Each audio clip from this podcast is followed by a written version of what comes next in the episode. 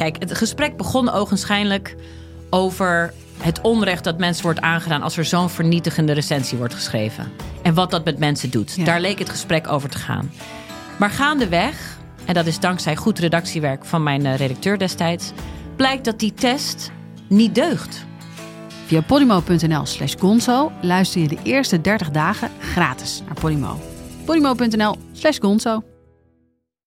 Liegen over een mondkapjesdeal die je hebt gesloten met de overheid. Een deal waarmee je miljoenen hebt verdiend. Dat doet toch alleen Siewert van Liende? Nou, nee. Ik ben Felicia Alberding en in de Mondkapjesmiljonairs duik ik met een team van correspondenten in andere schandalen. Want wist je dat Siewert helemaal niet uniek is? Luister de Mondkapjesmiljonairs in je Podimo-app. Of ga naar podimo.nl slash mondkapjes. En probeer Podimo 30 dagen. podimo.nl slash mondkapjes. Ich darf Sie fragen, ob Sie die Wahl annehmen. Herr Präsident, ich nehme die Wahl an. Ich nehme die Wahl an. Ich nehme die Wahl an. Ich nehme die Wahl an. Ich wurde nicht als Kanzlerin geboren und auch nicht als Parteivorsitzende. Wahrlich nicht.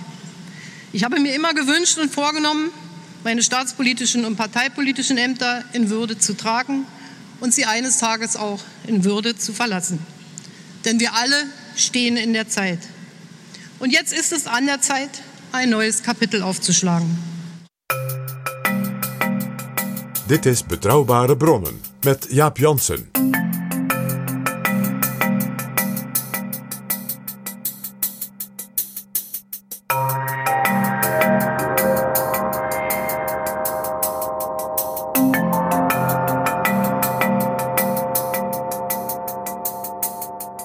Hallo, welkom in Betrouwbare Bronnen, aflevering 178. En welkom ook PG.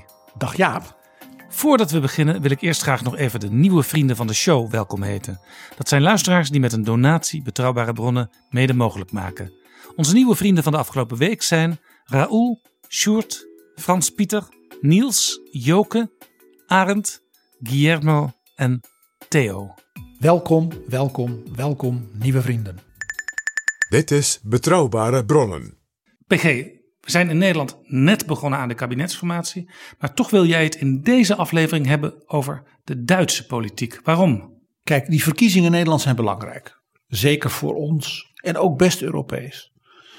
Maar september zijn de verkiezingen voor de Duitse Bondsdag. En die zijn hoe dan ook voor Europa altijd van zeer grote betekenis. En ditmaal van wel heel bijzondere, zelfs cruciale betekenis. Want we weten de programma's van de partijen nog niet. Maar die zullen natuurlijk van grote betekenis zijn voor bijvoorbeeld het economisch herstel, eh, Europa. Denk ook de positie van Europa ten opzichte van Poetin. Nou, hè, al die dingen. Maar natuurlijk nog één ding. Eén ding weten we zeker. Er komt een opvolger voor Angela Merkel. Ja, we hebben het al eens eerder over de opvolging van Angela Merkel gehad. Hè. Toen ging het over het voorzitterschap van haar partij, eh, de Christelijk Democratische Union. Eh, Dat werd toen AKK. Annegret Kramp-Karrenbauer. En die is ja, vrij snel toch weer eh, gesneefd. Ja. Het idee was toen, de nieuwe voorzitter van die partij maakt ook een hele grote kans om ook de kandidaat voor het bondskanselierschap te worden. Peter Altmaier zei tegen jou en mij, vrij snel na die wisseling van Merkel als partijvoorzitter met als nieuwe AKK. Onthoud, hè, jullie Nederlandse luisteraars, de voorzitter van de CDU heeft het voorslaagrecht. En hij zei ook een mooi soort Nederlands, het voorslagrechten.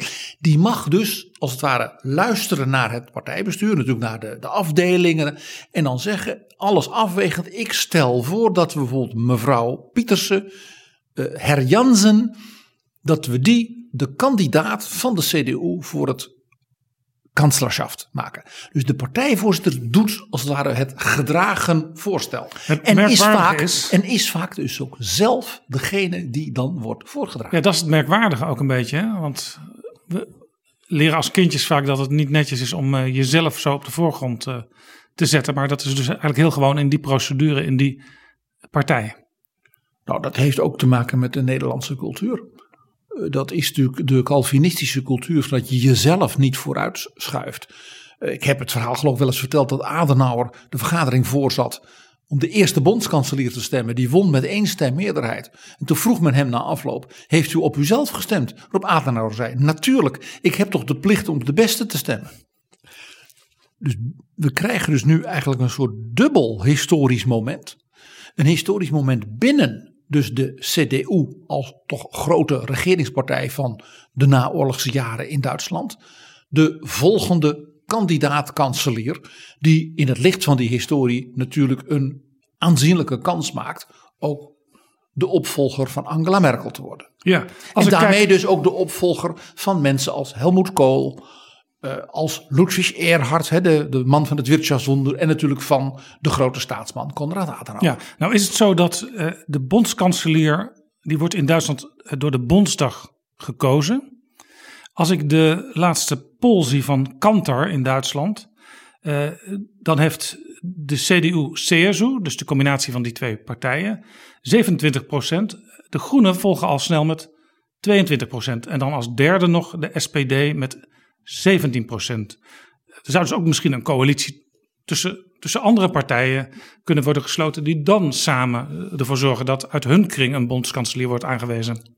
alles kan. Eh, ook deze cijfers die voor de CDU alles behalve gunstig zijn in het licht van eerdere peilingen, maar daar hebben we het nog straks wel over, wijst er dus op dat zelfs in een zeer zwakke positie van de CDU ze 28% in de peilingen haalt. Geen partij in Nederland durft daar op dit moment van te dromen. Dus het is, nog, 27% het is dus nog altijd zo dat de CDU duidelijk zeg maar, de kanshebber is. Maar anders dan vroeger, zal ik maar zeggen. Hè, toen het dus of een CDU-man werd, het waren altijd mannen, hè, of een SPD-man. Want die zaten alle twee zeg maar, tussen de 40 en de 50 procent ongeveer. Is het nu dus, net als bij ons, eh, meer verdeeld, meer versplinterd ook. En dat heet in Duitsland ook de Hollandisierung van de Duitse politiek. Ja, het zijn sowieso bij de grote partijen allemaal cijfers om van te likkerbaarden als je vanuit het Nederlands partijperspectief ziet. Ja, want ook de Partij van de Arbeid mocht willen dat ze die zo zwakke SPD-percentages van dit moment zou hebben. Ja, 17% wat de SPD heeft, dat is het percentage wat ongeveer in Nederland D66 nu heeft gehaald. Om je maar een idee te geven. En dit laat zien dat hoewel dus allerlei trends en ontwikkelingen in landen als Nederland en Duitsland als buurlanden dus op elkaar lijken. En dat ze het zelfs over de verhollandisering van Duitsland hebben. Dat er toch ook door de traditie en ook door de cultuurverschillen en de historische verschillen in die landen. Er dus ook opmerkelijke uh, ja, divergenties zijn. Zoals dat de christendemocratie in Duitsland ook in een tijd dat ze dus relatief zwak staat, nog altijd heel groot is vergeleken bij Nederland. Ja, nog even ook die 22% van de groenen. Als GroenLinks die in Nederland had gehad, dan waren ze bijna even groot als de VVD. Ja, precies. Dus we moeten zeker ook kijken, behalve naar de Christendemocraten, PG in deze aflevering, eh, naar de Sociaaldemocraten en naar de Groenen. Zeker, we gaan, als het aan mij ligt, Jaap, de zijn meest kansrijke kandidaten. En dat zijn er dus bij sommige partijen meer dan één. Want het is nog niet helder, er is nog geen programma. En er is van één partij, die gaan we ook behandelen natuurlijk, een kanselierskandidaat. En een hele stevige. Maar het is dus een historisch moment. Ten eerste dus in die CDU, grote klassieke regeringspartij. En in feite een historisch moment voor heel Duitsland. En voor heel Europa, mogen we zelfs zeggen, en misschien zelfs voor de hele westerse wereld, dat Angela Merkel toch nu na zoveel jaren hè, als eerste kanslerin in de geschiedenis afscheid neemt. Is altijd bij de Bondsdagverkiezingen al duidelijk wie de kanslerkandidaat is? Uh, dat is nadrukkelijk inzet ook van de campagne. Een technisch dingetje, want dan hebben we dat gehad ook voor latere afleveringen van deze podcast over de Duitse politiek. Dus ik leg het even één keer uit. De Duitse kiezer heeft twee stemmen. De eerststimme en de zweitstimme. De eerststimme, de stembiljet 1, is voor de kandidaat van jouw district. Dus dan stem jij bijvoorbeeld in het Zwarte Woud op uh, die uh, burgemeester van Titisee, uh, oud-voorzitter van de Boerenvakbond ja, van het Zwarte Woud, CDU natuurlijk, en daar stem je op, want die ken je. Dus die krijgt dan zoveel procent van de stemmen in het Zwarte Woud. Het kiesdistrict. En je hebt dan een tweede stembiljet. de Zweitstimmen. En dat is een lijststem. Dan stem je dus op de lijst van een partij. Dat hoeft dus niet de CDU te zijn. Het komt in Duitsland dus heel veel voor. Daar moet je altijd bij de Duitse verkiezingen naar die twee uitslagen kijken. Dat dus men bij de tweede stem op de partijlijst anders stemt dan bij de eerste. En Helmoet Kool, die was daar beroemd omdat hij altijd zei tegen de kiezers: Stem nou met die eerste stem op de partij waar u zich bij thuis voelt. En die tweede stem is kanslerstimme. Mag ik op u beroep doen als u mij waardeert? Geef mij dan uw stem. Wat Kool dus deed, was heel bescheiden. Hij zei: Die tweede stem is maar tweede. Die maakt mij kanselier. Je begrijpt natuurlijk, voor de machtsvraag is die tweede stem veel belangrijker. He, dat was heel slim van Kool. Dat hij zei: Die eerste stem is voor de district, is waar u thuis voelt. Ja, want die tweede stem die geeft eigenlijk de basisverdeling van de fracties in de Bondsdag aan. En niet die eerste. En daarom dat het Duitse kiesstelsel ook wat ingewikkelder is dan het Nederlandse. En ook niet vaststaat dat er bijvoorbeeld 150 uh, uh, kamerzetels zijn. Dat varieert per verkiezing door de uitslag van die eerste stem. Ja, toen Annegreet Kramp-Karrenbauer aantrad als CDU-voorzitter en potentiële kanslerkandidaat.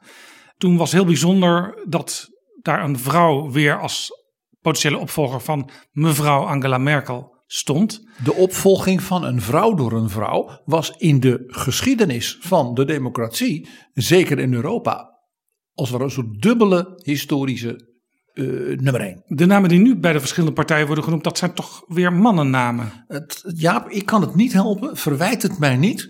Uh, wij gaan vijf namen behandelen en het zijn allemaal mannen. Laten we en, en zelfs een aantal heren op leeftijd. Ja. Laten we eerst eens gaan kijken naar de, de grootste stroming, de Christen-Democraten. De eerste kandidaat uit die kring is de partijvoorzitter van de CDU. He, zoals Altmaier al zei, de man of vrouw die het voorstel mag doen. En het is dus historisch gezien, we gaan de uitzonderingen natuurlijk behandelen, zodat dan diegene zegt: Ik heb zoveel steun ondervonden van u allen. Ik heb, neem de vrijheid om zelf kandidaat te zijn. En dan komt een groot applaus en dan is hij het. Ja, die voorzitter is sinds kort Armin Laschet. Juist. Wie is hij? Armin Laschet is een zeer machtig man in die partij. Want hij is de minister-president van de allergrootste deelstaat van de Bondsrepubliek. En dus een buurman van Nederland. Want die grootste deelstaat is Noord-Rijnland-Westfalen. NRW, zoals de Duitsers dat zo mooi noemen. En heeft net als Nederland 17 miljoen inwoners. Is ook net als Nederland een bondsstaat met zeer grote urbane centra. Uh, maar ook een heel groot en actief en rijk platteland. Dus op allerlei gebieden lijkt NRW wel een beetje op Nederland. Ja, er heeft ooit een heel mooi artikel in Elsevier gestaan waarin gewoon die twee landen, Nederland en Noord-Rijn-Westfalen, naast elkaar werden gelegd. En ja, als je dat las, dan dacht je eigenlijk, waarom zien wij niet elke dag iets in de krant over Noord-Rijn-Westfalen? Want dat zou toch eigenlijk normaal moeten zijn? Het feit dat jij begint met Armin, Laschet. En vanuit de gedachte, misschien dat niet elke luisteraar van Betrouwbare Bronnen weet wie dat is, is natuurlijk eigenlijk heel treurig. Het is onze belangrijkste buurman.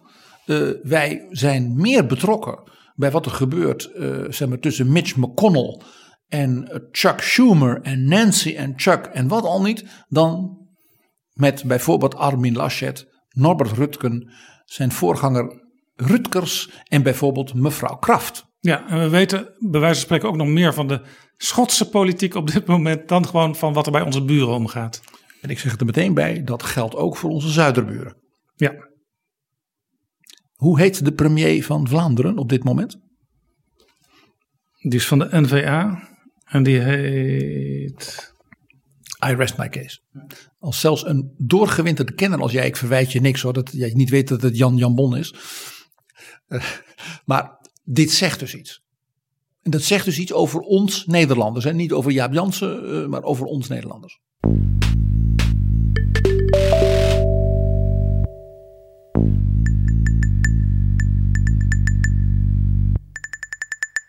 Nou, zullen we dus beginnen met uh, iets van correctie op, daarop. Door te gaan vertellen over Armin Laschet, over NRW en over wie hij is. Bin vielleicht nicht der Mann der perfekten Inszenierung, aber ich bin Armin Laschet. Und darauf können Sie sich verlassen. Heute geht es um sehr viel. Es geht um die für die Demokratie wichtigste Frage. Wem vertrauen? Das entscheiden heute Sie. Nou, het eerste is dat hij natuurlijk, en dat is een belangrijke plus, uh, hij kan met reden zeggen: ik ben een echte winnaar als het gaat om verkiezingen.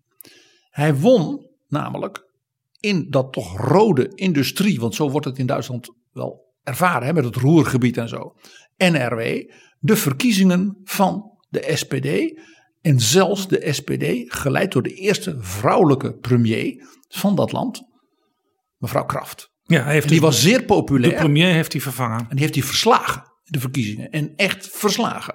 En maakte dus toen een kabinet van de CDU met de heel kleine, net boven de 5% gekomen FDP. Dus die was dolblij dat ze mee mocht doen. Dus dat is een dominant CDU-regering. En dat in een sterk urbaan, industrieel uh, land. Maar hij is ook nog de winnaar, en ook overtuigende winnaar, van de verkiezing binnen de CDU voor het partijvoorzitterschap. Dus Armin Laschet kan één ding en dat is winnen. Dat is voor politici die aan de vooravond staan van zo cruciale historische verkiezingen een niet onbelangrijk pluspunt. Nou, het leuke is, hij is dus op allerlei terreinen, misschien wel ook zeker voor de Nederlandse luisteraar, geen typische, ik zal maar zeggen, West-Duitse, Duitse politicus qua achtergrond.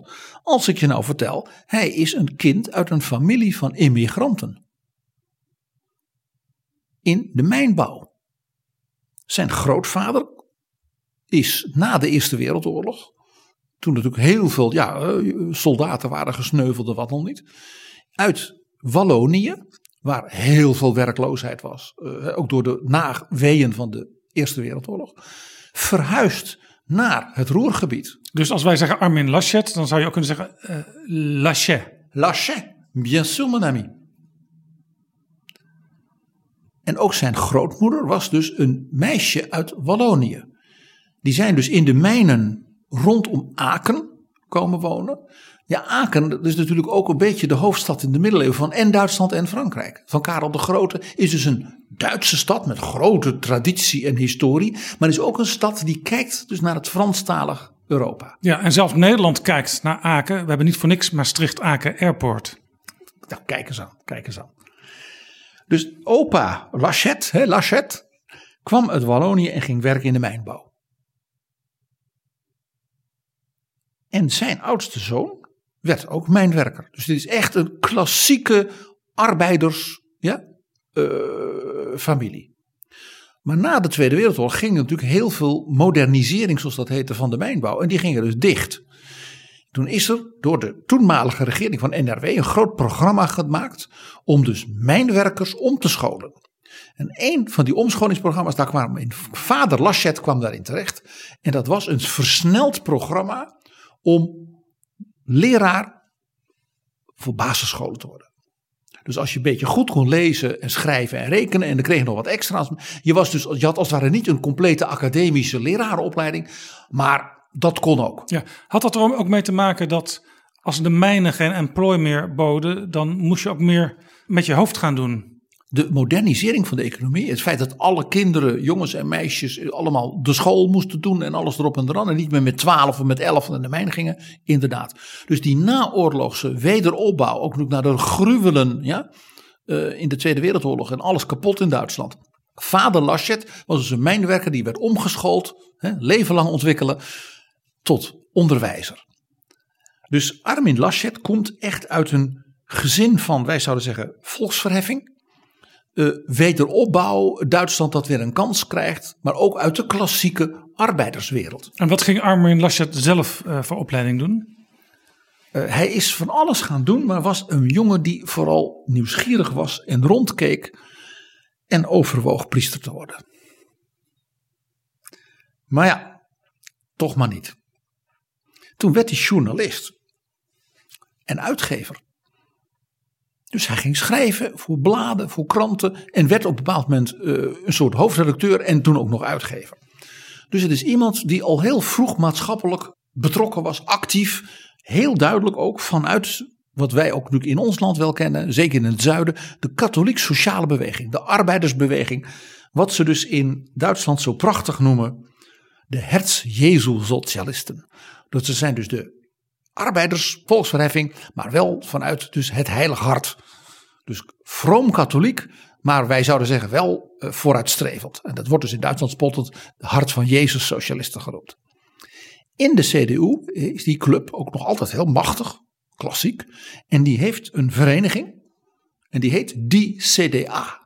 Waar staat dat voor? De Christlich-Democratische Arbeidnemerschaft. Ah. En die organiseert nog altijd heel veel cursussen voor, ja, wij zouden nog zeggen, die volksverheffing, dat zit daar nog enorm erin. Nu vaak met migranten, met mensen uit het oosten, met, nou ja. Dus dat, die CDA is nog altijd een machtige en klassieke club uit zeg maar, de, de christelijke vakbeweging. Nou, Laschet komt daar ook uit. Dus hij is ook binnen de CDU een man van zeg maar, de middenvleugel. Maar de, daarbinnen de wat meer vooruitstrevende, uh, ja, open katholieken. Ja. Het is dus ook heel kenmerkend. Armin Laschet is het eerste kind in die familie van migranten die dus kon gaan studeren. Ook dit herkennen wij dus als een klassieke ja, maatschappelijke ontwikkeling van de wederopbouwjaren. Uh, uh, en het groeien naar ja, een moderne samenleving. Ja, hij, hij, hij was dus journalist, maar hij werd ook politiek actief. Jazeker. Hij werd onder andere uh, medewerker in de, de Bondsdag. En kreeg daar een belangrijke uh, zeg maar supporter. Een vrouw. Namelijk Rita Zuusmoed. Die wij kennen als voorzitter van de Bondsdag. Zo is dat. En die ook uit de zeg maar, meer progressief kerkelijke hoek van de CDU komt. Dus een beetje net als hij. Hè, dus die hebben elkaar duidelijk gevonden. Zij protestant, hij katholiek. Uh, en zij was doordat zij als vrouw parlementsvoorzitter werd. En tot de mensen waren die dus zeer loyaal waren altijd geweest aan Helmoet Kool. Maar naar hem altijd heel kritisch op de inhoud. En dat kon hij van Rita Suusmoed heel lang wel hebben. Na een tijdje niet meer natuurlijk. Hè. Maar behoorde zij dus ook tot de echte meningvormers binnen de CDU op het punt van de, zeg maar, de, uh, de partijvernieuwing. Dus Laschet hoort in dat opzicht ook dus tot de meer vernieuwende vleugel, ook als jonge vent, uh, in de uh, partij. En een heel kenmerkend iets voor Laschet, de journalist, is dat hij enorme bonje heeft gekregen met het episcopaat in Aken, waar hij dus hoofdredacteur en uitgever van de krant de katholieke krant was. Hij heeft namelijk als journalist een groot zeg maar, kindermisbruik schandaal door priesters onthuld. En onthuld hoe dat werd verdoezeld. En toen heeft dus de, de, zeg maar, de aartsbisschop en die hebben geprobeerd hem als het ware te laten ontslaan als baas van die krant en nou, dit en dat. Dat is dus lang voordat dit in de katholieke kerk uh, en de katholieke wereld een enorm thema werd, als het ware voor de hele kerk. Dus ook in dat opzicht zie je dat Laschet een man was van, ja, kritisch, ja. maar ook met een, dus een, een, ja, ik zou zeggen ook een moderne man. Hij heeft dus eigenlijk aan het begin gestaan van de onthullingen van in dat schandaal. Ja, en dat in Aken, de stad van, nou ja, Karel de Grote, dus de, de, de, de, de aartsbisschop van Aken is natuurlijk een van de oudste. Dus met een enorme traditioneel katholieke stad. En daar komt die jonge journalist en die komt ook uit een goed katholiek gezin. En ja, het is de katholieke krant en die, dat was wat hoor. Ja, je vertelde dat hij medewerker was van Rita Susmoed. Hij is ook een goede bekende van uh, een van de gasten die we in Betrouwbare Bronnen hebben ontvangen, Elmar Brok. Die wij destijds interviewden toen hij bijna 40 jaar lid was van het Europees Parlement. En Armin Laschet werd lid van het Europees Parlement in 1999 en werd toen een van de sprekers voor dus de CDU en de EVP in Brussel en Straatsburg op het gebied van buitenland, veiligheidsbeleid, internationale relaties en dergelijke. En zijn leermeester was natuurlijk niemand anders dan partijgenoot en zelfs landgenoot, uh, ook NRW-politicus Elmar Brok. Ja, interessant, want je ziet dus dat hij eigenlijk politiek inhoudelijk van alle markten thuis is. Uh, hij heeft zich met het sociale bezig gehouden, maar ook met internationale zaken. En ook door natuurlijk zijn familiegeschiedenis uit Wallonië en zeg maar zijn, uh, ja, zijn stad Aken, is hij ook een enorme promotor, ook weer net als Brok natuurlijk, van de Duits-Franse samenwerking, verzoening. Nou, dat, dat echt Adenauer ook zou je dan weer kunnen zeggen. Om een voorbeeld te geven, de Duitse regering heeft hem per 2019 benoemd tot de officiële vertegenwoordiger van dus de Bondsrepubliek op het terrein van het verdrag tussen Duitsland en Frankrijk op het gebied van culturele uh, samenwerking. Dan ben je dus een heel belangrijk man in Duitsland. Want dat is een van de zeg maar, klassieke ja, dingen van het moderne Duitsland. De samenwerking, cultuur uh, ja, op het gebied met de Fransen. Na vijf jaar Europees Parlement werd hij minister in Noord-Rijn-Westfalen. Ja, toen uh, won de CDU daar de verkiezingen. En maakte uh, Armin Laschet minister. En hij kreeg een portefeuille. Nou, als ik je hem voorlees, dan, zijn, dan ben je een paar minuten zijn we bezig, dit titel. Maar één ding was duidelijk: de breedte en de thematieken van die, dat ministerschap maakte één ding duidelijk. Armin Laschet werd door de CDU-top voorbereid voor het hogere. Dat was dus een echt een testcase ministerie. Ik lees voor. Hij was minister voor generaties, gezinsbeleid en vrouwen, emancipatie, de integratie in het land Noord-Rijnland-Westfalen. En tegelijkertijd werd hij minister voor de relaties met de bondsregering in Berlijn, met de Europese Unie en mediabeleid. Ja, dat is uh, breed. ja, en dus heel veel maatschappelijke uh, ja, knelpunten en ja, gevoeligheden tegelijkertijd. Het integratiebeleid, gezinsbeleid, uh, generaties. Dat bedoelen ze dus mee. Hoe, hoe zorg je de, dus tegen de vereenzaming van ouderen. Dus ook ouderenbeleid. Maar ook de relaties met Berlijn. De relaties met Brussel. Uh, hij had genoeg te doen.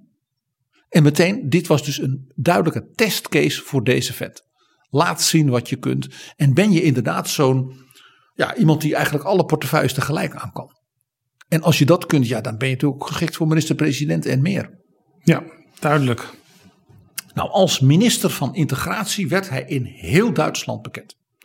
Omdat hij, uh, en dat was ook binnen de CDU, en zeker de meer behoudende delen van de CDU, uh, iets op tafel legde dat insloeg als een bom. Hij zei: Wij zullen als Duitsland moeten stoppen met onszelf een beetje voor de gek houden. Duitsland is gewoon een land dat bestaat dankzij immigratie. En je hoort hier natuurlijk ook zijn eigen familiegeschiedenis doorklinken. Hij zegt dat idee dat Duitsland zijn grenzen moet. Uh, hè, uh, dat is oud denken. Ik lees voor wat hij toen zei. Duits, Duitsland brauche Einwanderung. Duitsland heeft immigratie gewoon nodig. Und müsse zu, müsse zu einer Republik der Aufsteiger. We moeten een republiek van de klimmende bevolking, voor de volksverheffing worden dus ook voor die 38% van de kinderen jonger dan zes, waarvan de geschiedenis er een is van immigratie. Hij zegt dus die, die bijna 40% van de kleine kinderen in ons land, dus Noord-Rijn-Westfalen, waarvan de vader en moeder uit een ander land dan Duitsland komen, die moeten net zo deel van de volksverheffing worden. En je hoort bijna zeggen, als ik zelf, en mijn vader en mijn familie uit Wallonië. Ja, dit is eigenlijk wat ze in Amerika de American Dream noemen en wat Wopke Hoekstra de Nederlandse belofte noemt. Die NRW-traum. Ja, nou, je zegt, je, daarmee was hij natuurlijk meteen iemand die naast die katholiek sociale, ja, mensen omhoog tillen, ga studeren, hè, maak wat van je leven, je talent. Die vleugel, heel klassiek onder de CDU, dat hij dus ook tot de, zeg maar, de liberaal ruimdenkende vleugel van er zijn nieuwe bevolkingsgroepen die moeten een kans krijgen. Dat is ook goed voor de Duitse economie. Anders krimpt het maar, het vergrijst hier. We moeten Duitsland ook in dat opzicht dus moderniseren.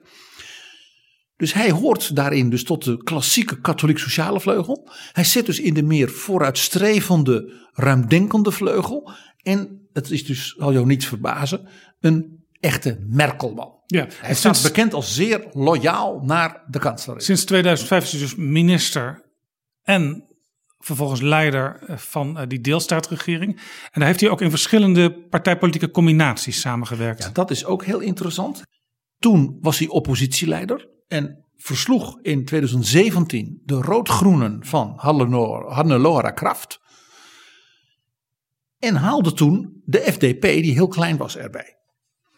Dus hij heeft ook, doordat hij dat in dat rode land, zal ik maar zeggen, eh, eh, de minister-president werd, eh, laat ik zeggen, een soort politieke ervaring die breder is dan alleen maar zo bijvoorbeeld een, een deelstaat waar de CDU altijd de helft van de stemmen haalt. Hij heeft er altijd voor moeten knokken met zijn CDU en dus ook anderen altijd erbij moeten halen. Dat is heel kenmerkend dus voor Laschet. Hij zou in Nederland een polderaar zijn. Ja, en dat kan hem dus ook helpen als straks op het hoogste niveau wellicht geroepen wordt om, om daar eh, de leiding te nemen. Ja, en binnen de CDU is hij dus een, een, een, een aanjager van durf meer, moderner. En het interessante, hij lijkt dus ook in, opzicht, in één opzicht ook weer sterk op Merkel, die natuurlijk een protestant is. Hij is ook een katholiek, maar Net als zij is hij iemand die, en dat is in Duitsland niet zo gebruikelijk als in onze Calvinistentraditie, nadrukkelijk vanuit zijn geloof over politiek praat. Zoals Merkel dat op haar bescheiden, typisch protestante manier ook doet. Ja, nou komt hij binnen als nieuwe voorzitter van die partij, de CDU, eh, op een moment dat het electoraal niet zo goed gaat uh, met uh, de partij. Er zijn net uh, deelstaatverkiezingen geweest in twee deelstaten. Rijnland-Pfalz en Baden-Württemberg. En dat zijn dus twee klassieke West-Duitse deelstaten waar de CDU een grote historie heeft van, nou almacht wil ik niet zeggen, maar uh, als je naar Helmoet Kool was de minister-president al heel jong, hè, als jonge wilde, van Rijnland-Pfalz en had daar de helft van de stemmen en meer. Ja, en in beide uh, gebieden moet, moeten de Christen-Democraten nu een toontje lager zingen. In de ene deelstaat hebben de Groenen opnieuw goed gescoord. En in de andere deel staat de Sociaaldemocraten. Ja, in, de, in Rijnland-Pfalz heeft de daar populaire SPD-premier Malu Dreyer heeft de verkiezingen gewonnen. Althans, haar partij verloor wel, maar een klein beetje vergeleken bij zeg maar, nationaal. En kan daardoor in een coalitie blijven. In Baden-Württemberg uh, was de CDU al de junior partner van de Groenen in de regering. Daar gaan we het nog over hebben.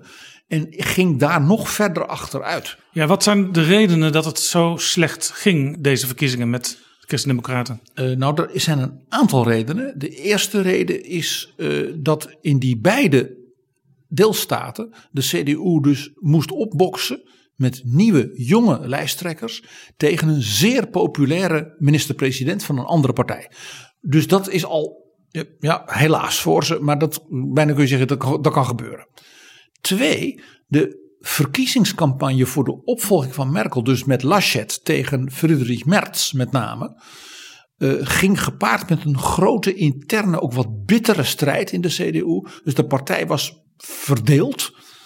Uh, de overwinning van Laschet was stevig, maar de aanhang van Merz is gefrustreerd. En Merz had veel aanhang in Baden-Württemberg. Dus in Baden-Württemberg was het nog een soort kater van de interne verkiezing. En er was nog iets. Heel vervelend voor de CDU. Vlak voor de verkiezingen kwam naar buiten. Ja, gewoon een schandaal. Uh, er bleken bepaalde Kamerleden uh, bedrijven te hebben geholpen bij het handig binnenhalen van opdrachten voor mondkapjes. Ja, Oftewel, terwijl... geld verdienen aan dat mensen ziek zijn in corona, ja. dat is natuurlijk een uitermate nare imago. Ja, terwijl Jens Spaan eh, van de CDU de minister van Volksgezondheid was, zeg maar. En zich aan la Hugo de Jonge te pletteren werkt. Ja, en ook veel waardering kreeg. Maar recent werd hij ook een beetje meegesleept in die affaire. Omdat een vriend van hem dus zo'n Kamerlid was die hij bijvoorbeeld vaak, die met hem vaak samen optrad als een van de jonge mensen in de CDU. En die had hem getipt. En hij kon natuurlijk niet weten dat, hij, dat die man dus geld kreeg van dat mondkapje. Ja, en die Jens Spaan is een beetje een soort running mate geweest hè, in de interne verkiezingen van CDU, van Armin Laschet. Uh, heeft Laschet daar nu ook uh, last van? Nee, dat niet. Uh, laat ik zeggen, het wordt Jens Spaan niet persoonlijk kwalijk genomen, laat ik het zo zeggen. de waardering voor hem voor zijn ongelofelijke ja, de ernst en zijn ijver en ja uh, corona is, klinkt een beetje gek, maar is natuurlijk zijn, de testcase voor Jens Spaan als de opvolger van Laschet.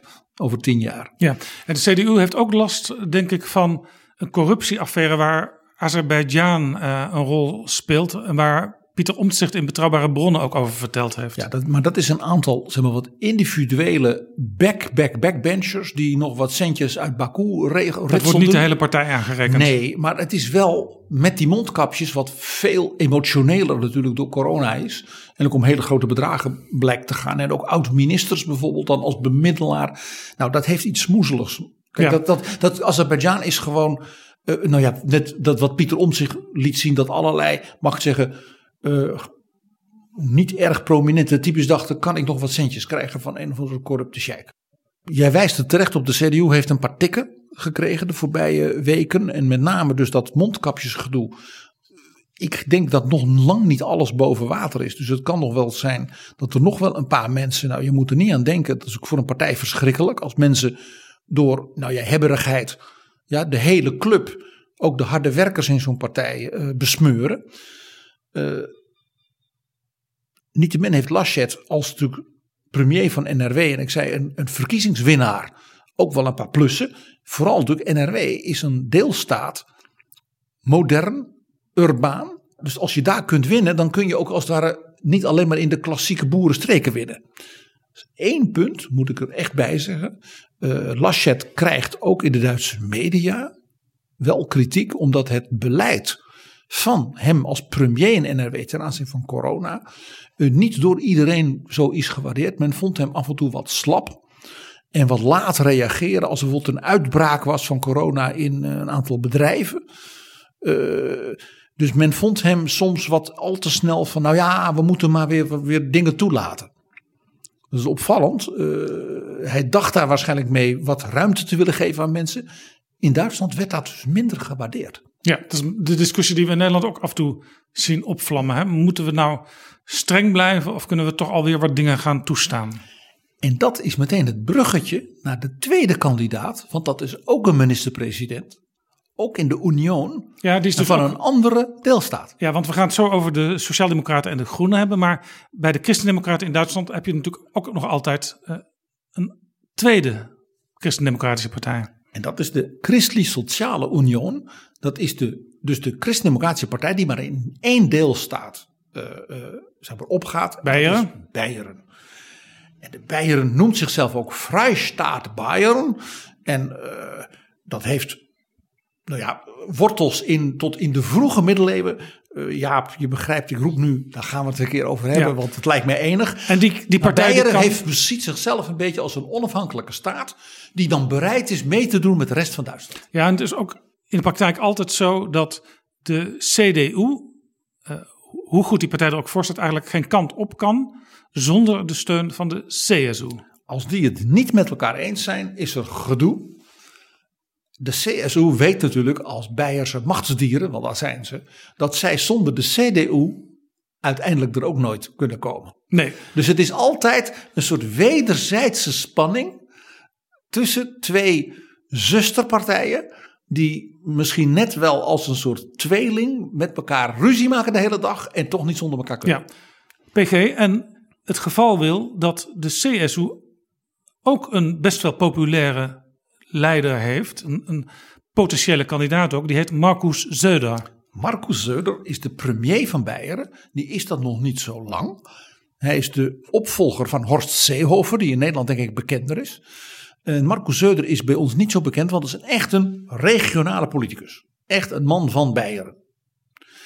Maar als nieuwe minister-president heeft hij die CSU als het ware weer even fris bloed gegeven en een wat moderner eh, aanpak. Hij is op een aantal opzichten dus een verrassende figuur. Eh, en is erg populair, ook buiten Beieren, in de CDU. Dus er zijn heel veel mensen in de CDU die zeggen: Ik heb grote waardering voor Armin Laschet. Maar als je mij nou in mijn hart kijkt en ik moet kiezen. Wie zou Merkel moeten opvolgen als de meest kansrijke figuur die het zou kunnen winnen voor ons, voor de Union? Dan denk ik dat ik voor Marcus Söder ga. Waarom is hij zo kansrijk? Omdat hij, ja, hoe zal ik dat nou zeggen? Ehm, hij is dus nieuw, heeft een enorme zeg maar, CV als minister in Beieren van alle mogelijke posten. Dus het is een brede politicus. Is qua persoonlijkheid een uh, ja, echte stevige, Beierse, extraverte figuur. En interessant, hij behoort helemaal niet tot wat in Nederland misschien wel wordt gedacht. Oh, dat is echt zo'n typische Beierse politicus. Hij is als het ware in Beieren een beetje een aparte figuur. Waarom? Nou, hij komt helemaal niet uit, ik zal maar zeggen, het boerenland rond München en de Alpen. Hij is een protestant allereerst. Nou, dat is in Beieren al iets bijzonders. Niet katholiek. Hij komt uit Nuremberg. Dus dat is uit Franken, ook wel de Oberpfalz genoemd. En dat is dus in feite een gebied dat door de Beierse koningen in vroeger eeuwen is onderworpen. En is altijd beschouwd als, nou ik wil niet zeggen bezet gebied, maar een minderheidsgebied dat zich maar heeft te schikken. Dus in die CSU zegt men altijd, ja we moeten ook nog wel een protestant daar uit Franken erbij.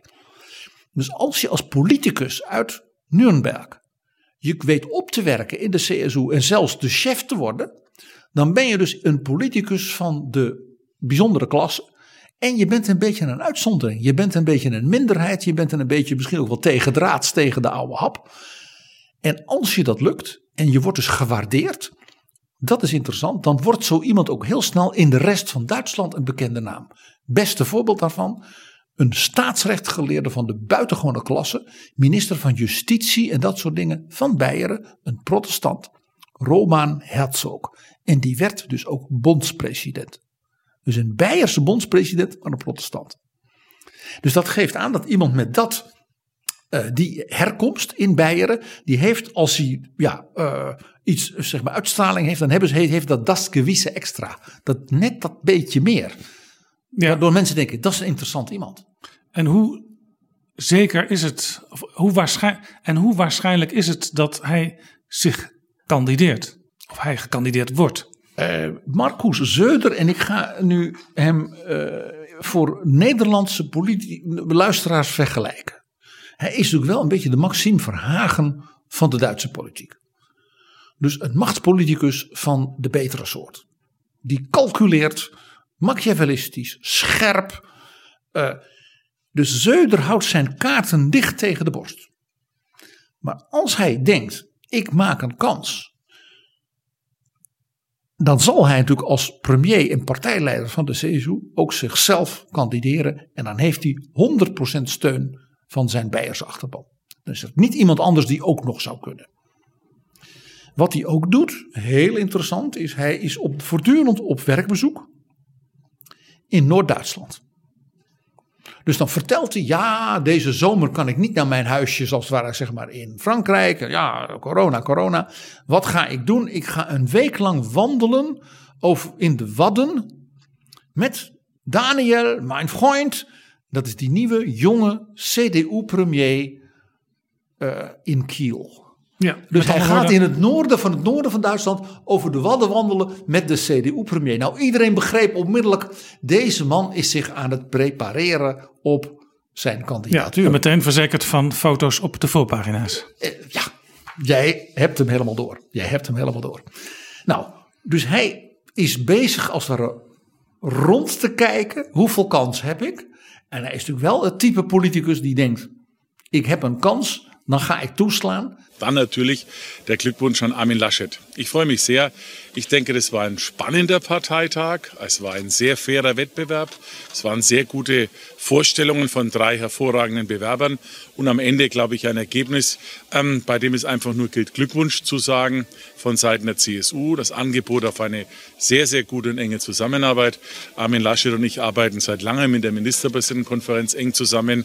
Nordrhein-Westfalen und Bayern sind die beiden größten Bundesländer. Daher gibt es enge Verbindungen. Und äh, Armin Laschet und ich werden, da bin ich ganz sicher, für alle weiteren Fragen, die mal anstehen, eine gemeinsame, kluge und geschlossene Lösung finden. Hij zal één ding nooit doen. Dat voorspel ik je nu. Hij zal zich niet kandideren op een manier die Armin Laschet, de premier van NRW en dus zijn collega van het andere grootste deelstaat, zeg maar onderuit schoffelt, hem beledigt, hem als het ware politiek onmogelijk maakt. Want dat zal de CDU ook niet waarderen. Dus hij moet op een chique manier als CSU-leider met de CDU-aanvoerder tot een soort overeenkomst komen waarbij Laschet zegt, Marcus, zou jij het willen doen? Dus de prijs, als het ware, die de CDU zal vragen aan hem en de prijs die hij is, bereid is te betalen voordat hij kanselier wordt, daar zal nu achter de schermen wel stevig over worden onderhandeld.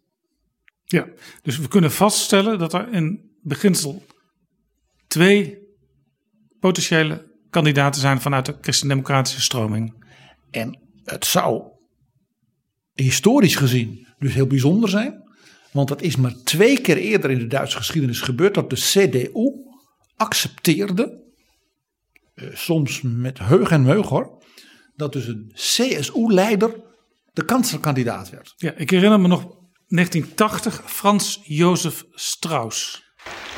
Wer aber andere Meinung ist, der soll CDU und CSU wählen und der weiß auch, warum er uns wählt. Der weiß, wofür wir stehen und dass wir das sagen, was wir denken.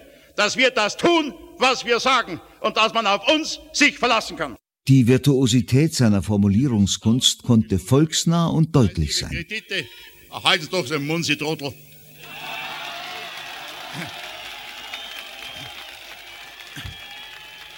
Ich sehe Sie schon seit längerer Zeit.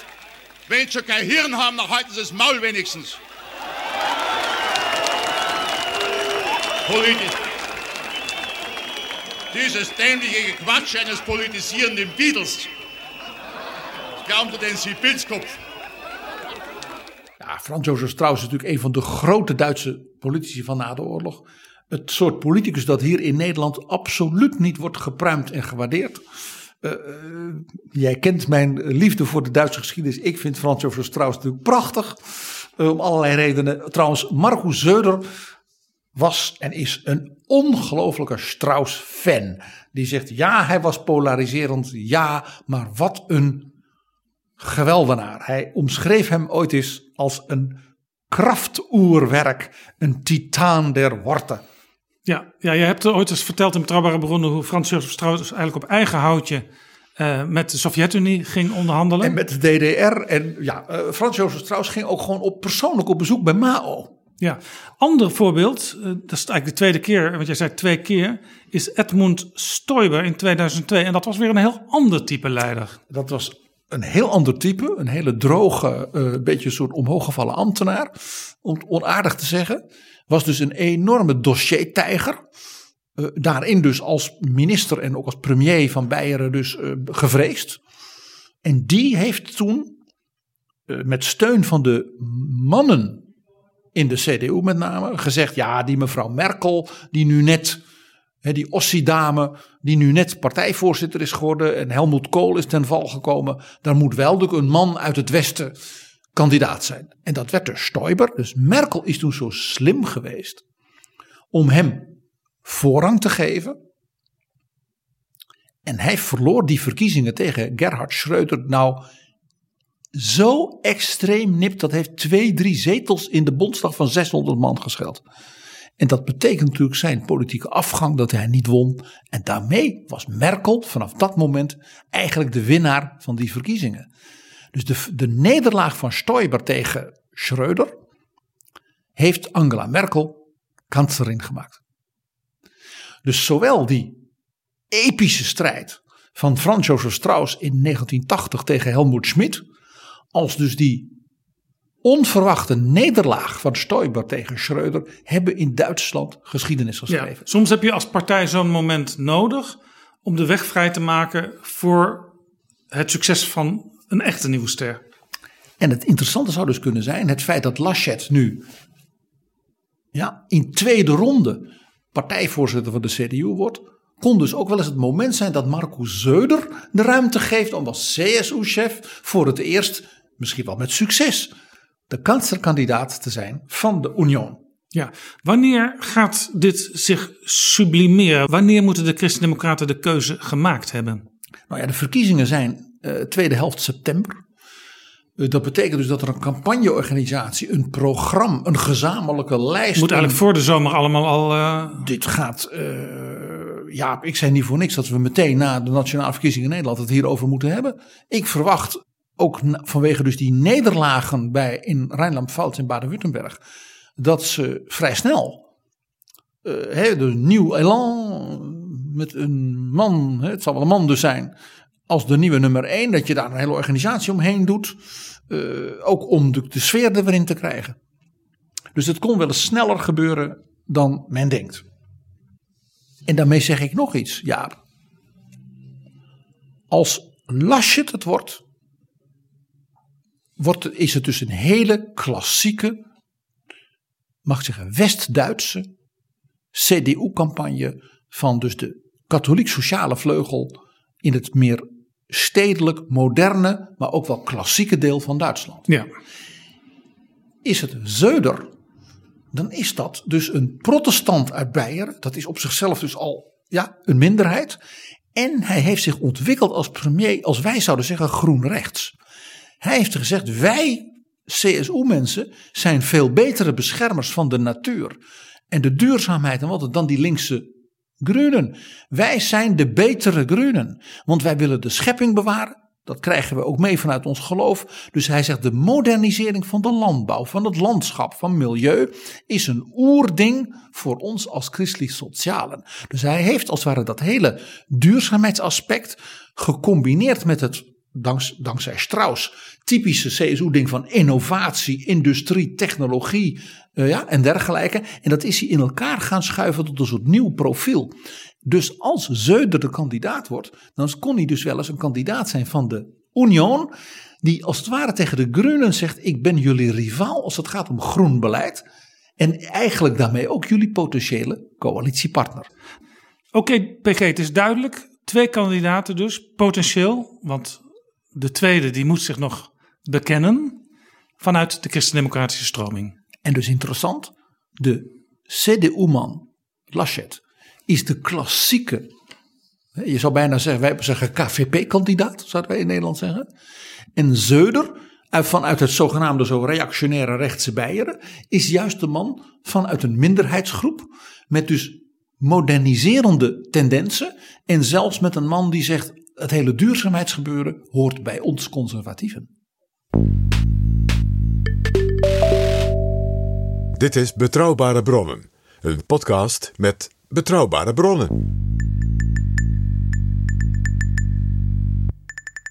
PG, dat waren de christendemocratische potentiële kandidaten. Eh, de SPD, in, in het begin van deze aflevering zei ik al, 17 ehm, in de peiling. Dat is voor Duitse begrippen echt heel erg laag, want een drama. Ze hebben ook eh, vele malen aan de leiding van het land gestaan en de bondskanselier geleverd. Nou ja, Willy Brandt, Helmut Schmidt, Gerhard Schröder, die Kool versloeg, ja, de eeuwige kanselier, door die jonge dynamische Schröder. Waarbij dus de SPD in die periode dus ver boven de 40% haalde. Ja, je zegt de jonge dynamische Schreuder. Die had destijds een rechterhand. Dat is Olaf Scholz. En dat is nu ook de gedoodverfde kandidaat voor de Sociaaldemocraten. Hij is de kandidaat. Het grote pluspunt voor de SPD is dat ze één kandidaat hebben en dat is ook echt er maar één. Er is geen rivaal, er is geen discussie. Olaf Scholz, de vice-kanselier van Merkel, minister van Financiën, dus de opvolger van Wolfgang Schäuble, is zonder enige twijfel de onaangevochten kanslerkandidaat. Ja, hij, hij is al kandidaat gesteld door het partijbestuur. Guten Abend, Herr Scholz. Guten Abend, Herr Zamperoni. Keine Angst vor früh ernannt, früh verbrannt? Nein, wir haben genau geschaut, was bei den letzten Wahlen, bei denen wir nicht das Ziel erreicht hatten, das wir erreichen wollten, falsch gelaufen ist. Und eine Lehre war, zu spät benannt ist auch ein Problem. Und deshalb war unsere Entscheidung sehr früh in diesem Jahr, dass wir eine Entscheidung treffen vor allen anderen. Und das haben wir jetzt gemacht. Die SPD will in diesem Wahlkampf überraschen, auch dadurch, dass sie einig und geschlossen handelt. Das ist uns gelungen. Wir haben es jetzt in einem Jahr geschafft, uns zusammenzuraufen und dafür zu sorgen, dass wir miteinander für die Zukunft dieses Landes streiten. Das wollen wir. Und das ist auch die Grundlage dafür, dass wir jetzt sagen, wir möchten von den Wählerinnen und Wählern ein Mandat dafür, unser Land in die Zukunft zu führen. In den 20er Jahren geht es um viele, viele Dinge, die wichtig sind. Es geht um Respekt zum Beispiel für die Lebensleistung der Bürgerinnen und Bürger. Das hat was mit Löhnen, mit dem Sozialstaat zu tun, dass man nicht nur Corona-Helden bei Beifall klatscht, sondern das auch sichtbar macht in ordentlichen Gehältern und einem sicheren Arbeitsplatz. Es hat mit vielen anderen Respektfragen zu tun. Und das unterscheidet uns auch von vielen anderen. Wir sind eine Partei, die sich nicht äh, für diejenigen einsetzt, die sich für was Besseres halten. Und dann geht es um die Frage, wie modernisieren wir unser Land? Wie können wir dafür sorgen, dass wir den menschengemachten Klimawandel aufhalten und gleichzeitig sicherstellen, dass mit großen technologischen Modernisierung wir auch in Zukunft gute Arbeitsplätze haben. Und zuletzt immer geht es um Europa. Die Frage, wie wir das, was dieses Jahr gelungen ist, auch in den nächsten Jahren durchsetzen können. Denn das anders als vor zehn Jahren in der Staatsschuldenkrise Deutschland jetzt nicht am Rande gestanden hat, sondern dafür gesorgt hat, dass es einen europäischen Fortschritt gibt. Das darf ja nicht eine Eintagsfliege bleiben. Das muss so weitergehen. Olaf Scholz is een ja, die lijkt een beetje op Armin Laschet. Een klassieke SPD-man uit West-Duitsland. Hij is geweest en succesvol de burgemeester van Hamburg. Nou, is er klassieker SPD dan dat? Hamburg is natuurlijk een, de stad ja, met een grote SPD-geschiedenis. Eh, ik noem de naam Helmut Schmid en dan ben je meteen in beeld. Ja. Hij komt dus uit de wat meer, ik zal maar zeggen, conservatieve vakbonds- en arbeidersvleugel. Dat kennen wij in Nederland niet zo. Maar de Duitse vakarbeider, die een goed salaris verdienen in de industrie, de auto's en dat soort dingen, die zijn heel actief in de vakbonden en zijn ook rood. Maar ze willen wel ook graag belastingverlaging. Ze zijn ook vaak van, ik wil wel een goede auto hebben en ik wil een huisje in het buitenland. Dat is iets wat wij in Nederland met een wat andere industriële traditie niet zo kennen. Dus je hebt in de SPD een vakbondsvleugel die eigenlijk zo conservatief is als hele delen van de CDU. Van daaruit is Olaf Scholz. Ah. En vandaar dus dat hij ook als minister van Financiën, als opvolger van Schäuble, ook nauwelijks te onderscheiden is van Schäuble. En dat wordt dus in Duitsland gewaardeerd. Hij kan er dus last van hebben dat hij breed gewaardeerd wordt, maar misschien niet in die mate dat mensen ook op hem gaan stemmen. Zijn probleem is dat hij als het ware als klassieke SPD-man in dat deel van de kiezers dus hooglijk gewaardeerd wordt. Maar ja, jij gaf al aan dat is een nogal krimpend deel. Waar de SPD natuurlijk van zou moeten hebben electoraal is zeg maar progressieve jongeren. We zouden zeggen voltachtig. Uh, en natuurlijk de kiezers in het oosten en van die linken, dus de echt heel linkse kiezers. Maar die vinden die Scholz natuurlijk een, ja, een halve kapitalist. Dus een conservatief, ja, die met Merkel samen Schäuble-beleid voert. Dat is dus voor hem lastig. Ja. ja, maar toch krijgt hij de steun nu al van zijn partij. En dat heeft natuurlijk te maken met het feit dat hij, mag ik zeggen, een echte intern SPD-CV heeft. Hij was minister van Binnenlandse Zaken van Hamburg. Hij was partijsecretaris in een crisistijd, wat hij heel goed heeft gedaan. Toen is hij minister van Sociale Zaken geworden in het kabinet van Merkel. De minister van Sociale Zaken van in Duitsland gaat over meer dan de helft van de begroting. Dat is wat anders dan bij ons. Want daar zit ook gezondheid en alles. Dus dat is, dan ben je, dan ga je over honderden miljarden. Dus dat moet je wel kunnen. Weet je wie dat ook gedaan heeft? Ursula von der Leyen. Ah, ja. Nou, dan weet je, dan, dan moet je zo'n politicus zijn met flink wat kunnis. Dan natuurlijk burgemeester van Hamburg. Hij is zelfs getrouwd met een SPD-politica. Zijn vrouw is dan de onderwijsminister in Schleswig-Holstein geweest. Dus dat is een typische SPD-binnenpartij carrièreman. Hij is overigens begonnen als een van de leiders van de Jusos, dus de jonge socialisten. En dat was in de tijd dat dat communisten waren ongeveer. Die waren van de zogenaamde Stamo-Kap-factie. Stamo-Kap? Staatsmonopolistisch kapitalisme. Zij zeiden dus het... Dus de basisindustrieën moesten in staatshanden. Zij zeiden, wat wij moeten doen in Europa... is dat dus de staat eigenaar wordt van de basisindustrieën. En dus niet zoals in Oost-Europa hè, dus wel kapitalisme, maar dan wel gestuurd door de staat. Ja. Zij waren dus, eh, hij was dus een ongelofelijke bestrijder van Helmoet Schmid. En zijn grote vriend in die tijd was Oscar Lafontaine. Is dit een soort uh, Chinees model 2021? ja, Stamo Kap is een beetje Xi Jinping. Ja, Ik vind overigens, het on, ondeugend van je. Overigens, dat weet bijna niemand meer. Maar in 1977 had de Partij van de Arbeid een beginselprogramma. En daar stond dit ook in. Dat de grote industrieën in staatshanden moesten zijn. We hebben altijd geweten dat Joop den Uyl Xi Jinping wilde zijn, toch? Joop den Uyl had veel pijn aan dat beginselprogramma. Die vond het vreselijk, ik weet het. Ik, weet, ik, ik, ik lees nu voor uit de FAZ over, over Olaf Scholz. Hij kan in deze tijd ongelooflijk lachen over de memoranda en de stukken die hij in die tijd schreef. En hij zegt, dat waar fachlich und sachlich Schwachsinn. Dus dat was zowel professioneel als vanuit zakelijk open. Dus het feitelijk zien was dat zwakzinnig wat ik toen schreef. Nou, laten we de, deze zelfspot uh, hem uh, als positief aanrekenen. En maar net doen alsof hij niet een linkse gekkie is geweest.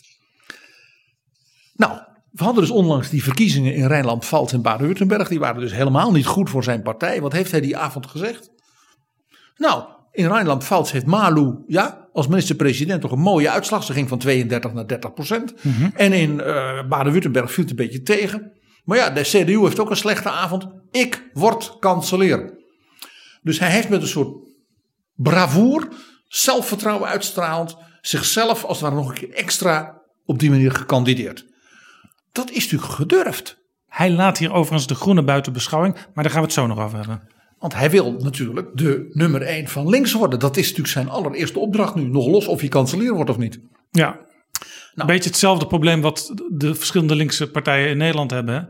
Wie is eigenlijk onze frontrunner? De Hollandisierung der deutschen Politik. Die zie je ook hier aan de linkerzijde.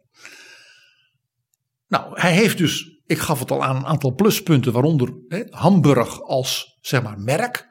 Dat is de Hanseatische stad, is nuchter, Atlantisch, mercantiel, kijkt naar de wereld. Hè, Helmoet Schmidt. Uh, hij is een vakbondsman. Heeft natuurlijk in Europa ook als minister van Financiën een uitstekende naam. Dus hij kan het ook zo overnemen van Merkel. Ja, minpunt is natuurlijk de SPD die het zo moeilijk heeft. En ja, uh, wat voor coalitie gaat hij. Uh, als hij zegt, nou ik wil wel met de Groenen. Dan zegt de Groenen leuk, dan leveren wij de kanselier wel. Dan mag je op financiën blijven ja. zitten. Nou dat is dus zijn lastige punt. Maar de SPD heeft dus iemand misschien wel meer dan vorige keren, waarvan ik zeg, ja, daar staat wel een Duitse politicus van, uh, van Pwa. Dus Olaf Scholz moet je zeker niet uitvlakken. Beslist niet. Dit is Betrouwbare Bronnen. PG, die sociaaldemocraten die zitten wat Duitsland betreft in een dal, maar vanuit Nederland gezien met 17% nog steeds een hele mooie score. Maar zij worden wel inmiddels in Duitsland voorbijgestreefd door de Groenen, die in de peiling de laatste peiling van Kantar op 22% zitten. Dat is bovendien een patroon dat al behoorlijk langer in Duitsland gaande is. Uh, de Groenen hebben zich in Duitsland uh, uh, heel opmerkelijk ontwikkeld. Zij komen natuurlijk uit de ecologische beweging. Sommigen zelfs van extreem links. Zal straks een mooi voorbeeld ook van geven. Maar hebben zich als het ware ontpopt tot eigenlijk een soort ja, links-liberale, maar dan wel met een natuur bewogen en met milieu bezig zijnde uh, kiezersgroepen. Dus de Groenen zijn in Duitsland een politieke rivaal en lokken dus als het ware kiezers niet alleen op links, maar bijvoorbeeld ook nadrukkelijk van de FDP, dus de liberalen, in zeg maar, de betere burgerij. Die dan wel, ik zal maar zeggen, natuurbewust is. Hè, dat is in Duitsland sowieso altijd wel een punt. Maar ook nadrukkelijk bij de CDU. Uh, onder de jongeren en ook dus onder de kerkelijke kiezers. Die zeggen, ja, het, be het behoeden en bewaren van de schepping is het, is het grote thema. Ja, je kunt dus zeggen dat hun voedingsbodem is zeg maar breder dan die van GroenLinks in Nederland. Absoluut. Ze waren ook eerder dan GroenLinks. Hè? Want toen GroenLinks uh, nog bestond uit kleine linkse partijen die over samenwerking spraken, wat uiteindelijk een fusie is geworden. Uh, toen kwam GroenLinks ook door het succes van de Groenen in Duitsland op het idee om uh, zichzelf ook groen te maken. Ja, zeker. Uh, komen ook de, de Groenen in Duitsland, net als de groene groepen in Nederland, wel degelijk uit, wij zouden zeggen, het klein links milieu. Ja, al zie je tegenwoordig in Duitsland natuurlijk ook vanuit Oost-Duitsland gekomen, uh, die linken als een stevig uh, linkse, misschien SP-achtige partij. Ja, die linker is natuurlijk in een aantal opzichten gewoon oerconservatief. Zeker gezien vanuit Oost-Duitsland en de oude DDR. Ja, we hebben het over uh, kanslerkandidaten. Uh, wie is de kandidaat van de Groenen? Niemand. Oh? Zij hebben geen kandidaat. En dat is politiek natuurlijk eigenlijk heel merkwaardig. Uh, je bent een partij die dus in opgang is, die dus nadrukkelijk de tweede partij van het land is. Die zelfs nu ja, in de peilingen in de buurt aan het komen is van de klassieke nummer 1, de partij van Mutti. En je hebt geen kandidaat. Dat heeft te maken met een beetje zeg maar, de cultuurgeschiedenis, zou ik bijna zeggen, van die Groenen. Ze hebben zich altijd vanaf het begin uh, als uh, de partij van de gelijkberechtiging van man en vrouw. Dus ook tegen de sterk conservatieve zeg maar, gezin- en familiebeeld in Duitsland. Natuurlijk uit de katholieke hoek, maar zeker ook in de protestanten en ook de vakbondswereld van hè, de moeder moet thuis voor de kinderen kunnen zorgen en de man moet een goed salaris verdienen. Ja, dit zie je ook altijd op Europees niveau waar de Duitse groenen uh, heel invloedrijk zijn binnen bijvoorbeeld de fractie in het Europees parlement uh, van de groenen. Je zag het ook bij de verkiezingen waar ze meerdere uh, lijsttrekkers hadden. Dus bijvoorbeeld de Sociaaldemocraten hadden gewoon één lijsttrekker. Dat was Frans Timmermans voor heel Europa. Maar zij hadden er geloof ik zelfs uh, drie. Waaronder onze Nederlandse Bas Eickhout. Maar een andere lijsttrekker was Ska Keller. De Duitse vrouw die het al vaker was geweest. Ja, en dat is dus bij de Groene traditie geworden dat er altijd dus een man en een vrouw samen lijsttrekker waren. Dat had ook een hele platte politieke reden. Daarmee kon je de twee grote vleugels, de realo's en de fundis, kon je dan bedienen. De realo's, dus, dat was dus de meer realistische. Uh, oftewel, dat waren mensen die zeiden: ja, groen is heel goed en daar zijn we ook voor. Maar dat moet je wel met anderen nog proberen te realiseren. Fundis, het woord zegt het al, fundamentalisten, die dus ja, gingen voor oppositie om de oppositie. Ook vaak activistisch. Uh, je moet eigenlijk vooral via demonstraties en bezettingen. Uh, soms ook uh, krakersbewegingachtige groepen. Hè, dus die in dat deel van de partij hun steun vonden. Ja, worden er desalniettemin PG, ze hebben geen kandidaat nog, wel namen genoemd uh, van mensen die zich kandidaat zouden kunnen stellen? Nou ja, er zijn twee namen onmiskenbaar zelfs te, te noemen. Maar ja, het zijn alle twee mannen. Dus ja, daar begint het probleem al. En het zou natuurlijk voor de Groenen ironisch zijn, politiek om geen ander woord te gebruiken, om te zeggen: mevrouw Merkel van die conservatieve christelijke CDU, die gaat dan gelukkig weg. En dan komen wij als groene progressieve met een man. Nog lastiger. Er komt natuurlijk een moment dat dat weer modern is. Nog veel grappiger is: er is eigenlijk één iemand waarvan je toch zou zeggen: ja, natuurlijk schuiven ze die naar voren. Dat is de, ja, een soort opgelegde winnaar. Dat is de enige groene premier in Duitsland. Ook nog van een hoogwaardige, eh, zeg maar, eh, economisch-technologische Bundesstaat, namelijk Baden-Württemberg. Ja, en dat is ook degene die net gewonnen heeft bij de recente verkiezingen in Baden-Württemberg. Voor de derde keer. Dus Winfried Kretschmann, want daar hebben we het over, is nu voor de derde keer de winnaar en dus premier van deze grote ja. en belangrijke staat. Al net zo lang als Mark Rutte premier is in Nederland. Und nun die Neujahrsansprache von Ministerpräsident Winfried Kretschmann. Liebe Mitbürgerinnen und Mitbürger, liebe Landsleute, gerade heute an Silvester wird es ganz besonders spürbar, unsere Sehnsucht nach Unbeschwertheit, nach Gemeinschaft. Die Pandemie stellt uns alle auf eine harte Probe. Sie zeigt, wie unsicher der Boden sein kann, auf dem wir gehen, wie zerbrechlich das Leben ist.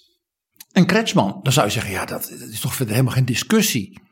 Die heeft bovendien geregeerd in zijn eerste termijn met de SPD als junior, zoals de Duitsers dat noemen. In zijn tweede termijn met de CDU als junior. En het zou nu kunnen gebeuren dat hij dus weer switcht. Dat hij nou met de FDP en de SPD samen of opnieuw met de CDU. Hij kan dus kiezen. Dus die heeft ook nog ervaring als premier, dus als leidersfiguur, met de verschillende andere partijen, zeg maar, van het en rond het midden. Ja, interessant, want uh, wij hebben het vaak over Nederland dat afwijkt van hoe de politiek in andere landen gaat. Maar die coalitiepolitiek, daarin uh, lijken Nederland en Duitsland dus wel op elkaar. Met dat verschil dat de coalitiepolitiek in Duitsland altijd was een hele grote partij met een kleintje. En dat is met die Hollandisering van de Duitse politiek natuurlijk aan het veranderen. Dat je ook daar allemaal wat middelgrote partijen en kleintjes hebt die het samen moeten doen. Nou, meneer Kretschmann is dus een, ja, een, een winnaar, om het maar even zo te zeggen. Dat is, dat is al een belangrijke plus als je kandidaat bent. Het is wel een hele interessante man qua, ik zeg maar zeggen, achtergrond. Ja, waar komt hij vandaan? Nou, hij heeft één ding gemeen met Armin Laschet. Hij komt uit een zeer goed katholiek milieu en is ook een tijd lang priesterstudent geweest. Dat, die Duitsers, dat is toch opvallend, hè? Ze hebben dus soms een roeping en uiteindelijk gaat die roeping zich manifesteren in de politiek. Zo zou je het ook kunnen zien, Jaap. En nog een interessant ding, hij is net als Laschet ook dus iemand van een migranten, zelfs vluchtelingen herkomst uh, van katholieke uh, oorsprong. Want zijn ouders woonden in Oost-Pruisen. En dat was een Pruisisch Brandenburgs gebied. Dat was zeg maar 90% Luthers, protestant. Maar er was een klein stukje, en dat was de zogenaamde katholieke enclave. Dat had blijkbaar ook door de invloed misschien nog vanuit Polen en dergelijke. een sterk dominant katholieke bevolking. Nou, bij uh, de verschrikkingen natuurlijk aan het eind van de Tweede Wereldoorlog zijn ook de mensen daar allemaal gevlucht. En zo kwam dus het gezin Kretschmann in wat wij dan nu West-Duitsland noemden. Dus hij is in feite dus een kind van vluchtelingen. En hè, dus katholieke uh, migranten, net als Laschet. Alleen hij uit het oosten en Laschet uit het westen. Nou, hij werd dan toch geen priester. Uh, hij werd iets anders. Jij zei het al, hij had wel een roeping. Nou, dat had hij zeker. Hij werd een extreem linkse activist in de jaren zeventig. Zoals veel van de groenen uit die hoek komen. Hij was onder andere een van de leiderfiguren van de communistische studentengroepen Marxisten-Leninisten. En hij zat in het platform van het Socialistische Centrum en de Communistische Hochschulgroepen. Ja. Hij zat een beetje in de hoek van in Nederland Paul Rozemuller, want die was ook Marxist-Leninist een tijdje. Ja, en de SP heeft ook uh, daar uh, klappen van die molen meegekregen. Nou, in Duitsland ging het dus zo ver dat toen hij klaar was met zijn opleiding, hij dus geen baan als leraar kon krijgen. Het radicalen erlas, ah, ja. zoals dat heette. Dus wie radicale uitingen had gedaan en zich dus organiseerde in radicale verenigingen die de democratische Grundordnung, zoals dat zo mooi heet in Duits, wilde ondermijnen, die kon geen ambtenaar worden. En dus Kretschmann werd leraar aan privéscholen, want daar kon het dan wel. En zo begon hij als docent aan de opleiding in Stuttgart voor schoonheidsspecialisten. Schoonheidsspecialisten. Nou, hij heeft zich uh, in de jaren 70 en vooral begin jaren 80 ook natuurlijk door de enorme toestanden in Duitsland toen met de Rode Armee-fractie, die aanslagen. Heeft hij voor zichzelf gezegd van dit is niet de weg die de samenleving moet gaan. Waarbij hij ook heeft gezegd daar heeft mijn katholieke overtuiging van huis uit toch een grote rol gespeeld. Uh, en hij werd toen een activist voor ecologie en milieu vanuit ook dus zijn katholieke geloof. Hij heeft ooit in een groot interview over dus zijn extreem linkse fase gezegd: ja, ik was toen een communist, uh, Mao en dat soort dingen, dat was allemaal prachtig. En ik zeg nu, het waren fatale politieke vergissingen dat ik zo toen dacht. Hij werd dus daardoor binnen de Groenen, hoewel dus iemand met gevoel voor de zeer linkerhoek, in feite een van de filosofen van de meer behoudende, dus vanuit het iemand die dus vanuit het christendom geïnspireerd zei: hoe kunnen we de wereld, de natuur, het milieu, eh, het leven dus ook beschermen en redden? Ja, heeft dus een soort antithese binnen zijn uh, denken plaatsgevonden en dat heeft geleid tot deze synthese. Ja, inderdaad. Het is, bijna een soort Abraham Kuyper van de Groenen. Hè? Ja.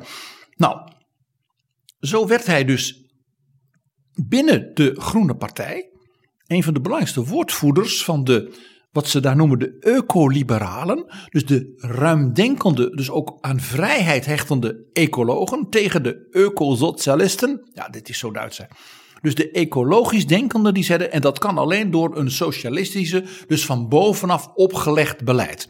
En hij zei, hij behoorde tot de mensen die zeiden, nee, zo ga je de samenleving niet fundamenteel kunnen veranderen. Hij heeft dus ook heel veel geschreven over dit soort dingen. Dus ook boeken over zijn filosofie en zijn denken. Ja, hij is dus door, door vele wateren gewassen. En je zou kunnen zeggen, uh, zo'n succesvolle groene, dat is onmiddellijk ook iemand die je projecteert voor de kandidatuur van dat bondskansleerschap. Nou, nog sterker, hij was in 2016, is hij nadrukkelijk genoemd als mogelijke eerste president van Duitsland met een groene achtergrond. Vanuit het idee dat zijn kerkelijk Duitsland, gelovig Duitsland, ook dus de, grote delen van de CDU, met hem misschien wel heel goed konden leven als staatshoofd.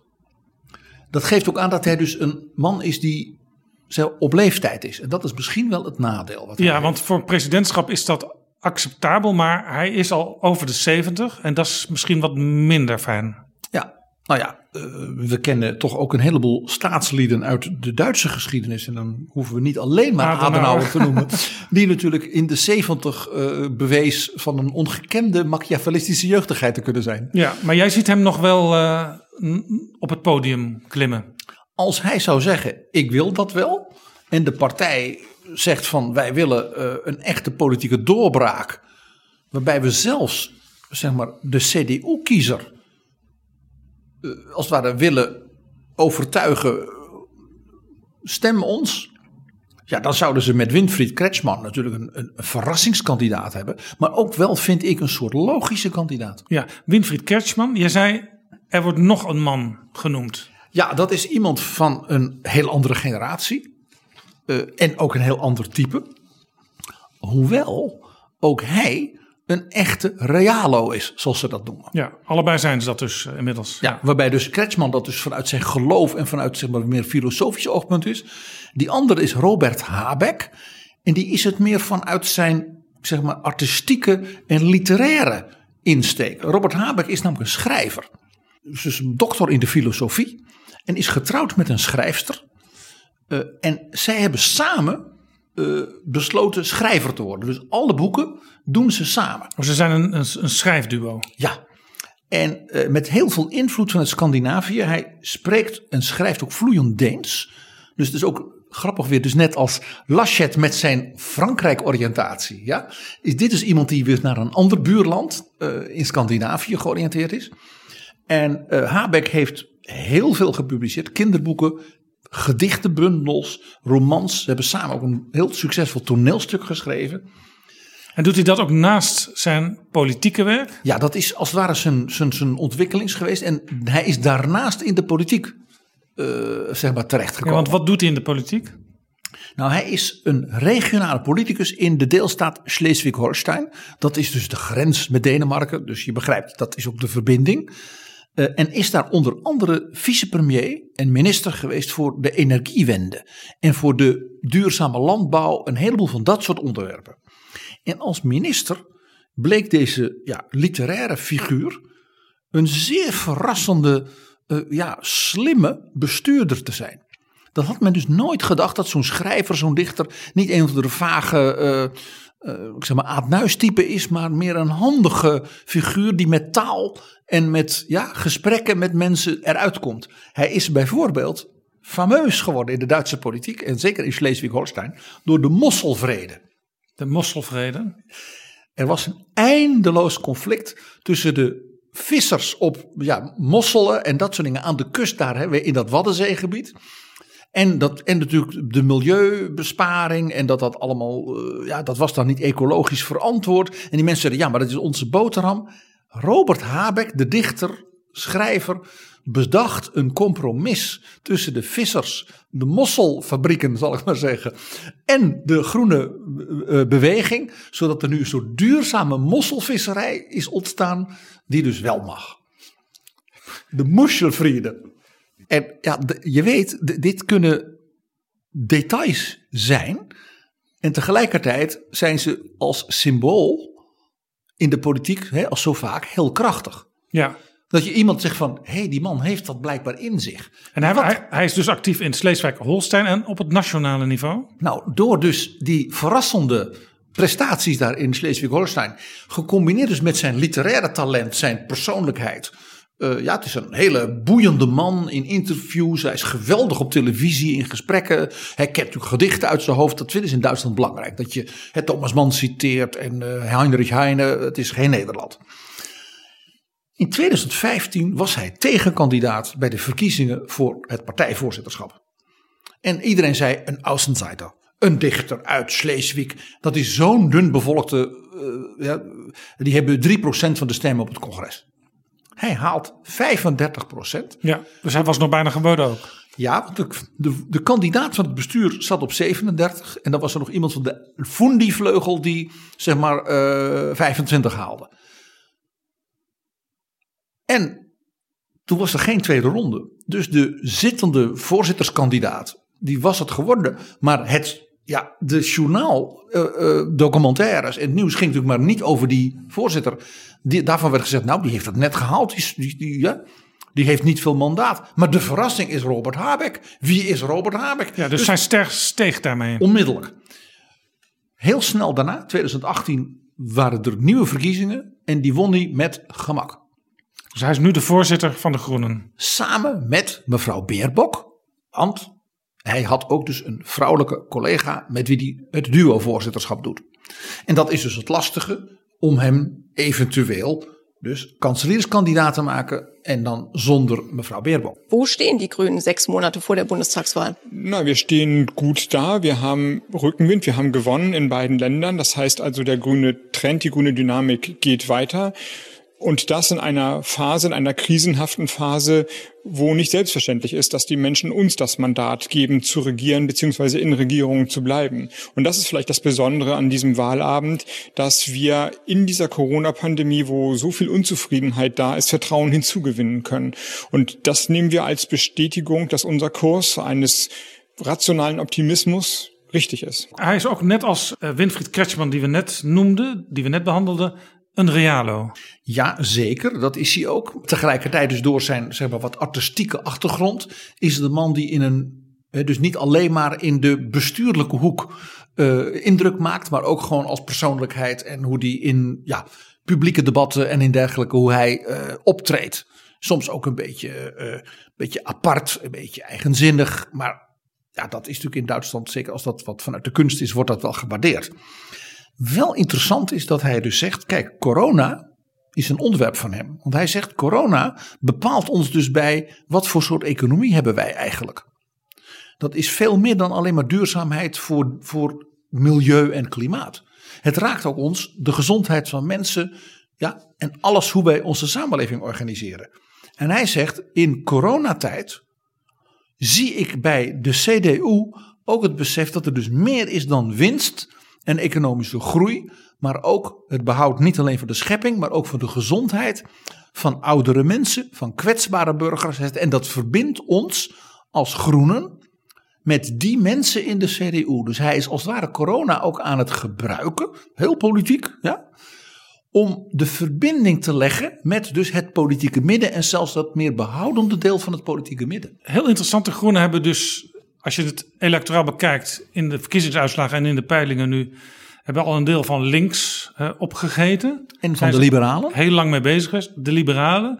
En ze proberen dus op deze manier ook nog de traditionele uh, christelijke kiezers aan te spreken. Nou, het gaat zelfs nog wat verder. Want wat ik wel het meest opmerkelijk vind, is dat recent heeft Habeck een actieplan gepubliceerd van elf punten en dat gaat over de omgang met gevaren uit de islamistische hoek.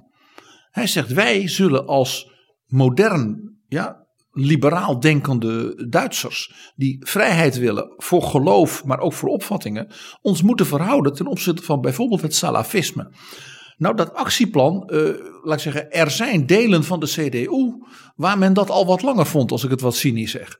Dat is behoorlijk streng tegenover dus extremisme. Ja, daar zal niet, niet elke groenen het dus onmiddellijk mee eens zijn. Dus men vindt hem daardoor wat ze in Duitsland noemen een uber-realo. Maar je ziet dat dit dus in feite een thema is dat hij denkt: als ik dat nou pak, ook weer heel politiek, hè? Dan heb ik daarmee ook naar de kiezers in het midden en zelfs richting de wat meer behoudende kiezers een thema dat zeggen: nou, die groenen, dat zijn toch geen linkse naïeve spinner, zoals de Duitsers Ja. dat noemen. We gaan het zien, PG. We hebben gesproken over Armin Laschet, Markus Söder, Olaf Scholz, Winfried Kretschmann en Robert Habeck. En misschien komt er nog wel een naam onverwacht bij. In september zijn de verkiezingen. We gaan het volgen. En ik doe één voorspelling, Jaap. Wat zullen wij Angela Merkel missen? Waarvan akte. Dankjewel, PG. Es war mir eine große Freude. Es war mir eine Ehre. Herzlichen Dank.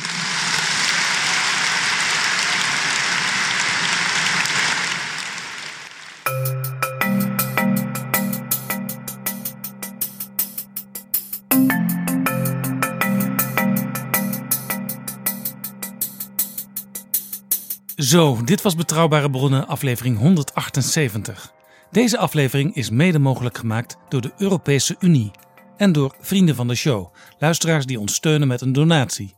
Wil jij ons ook helpen? Ga naar vriendvandeshow.nl/slash bb. Tot volgende keer. Betrouwbare bronnen wordt gemaakt door Jaap Jansen in samenwerking met dag en nacht.nl.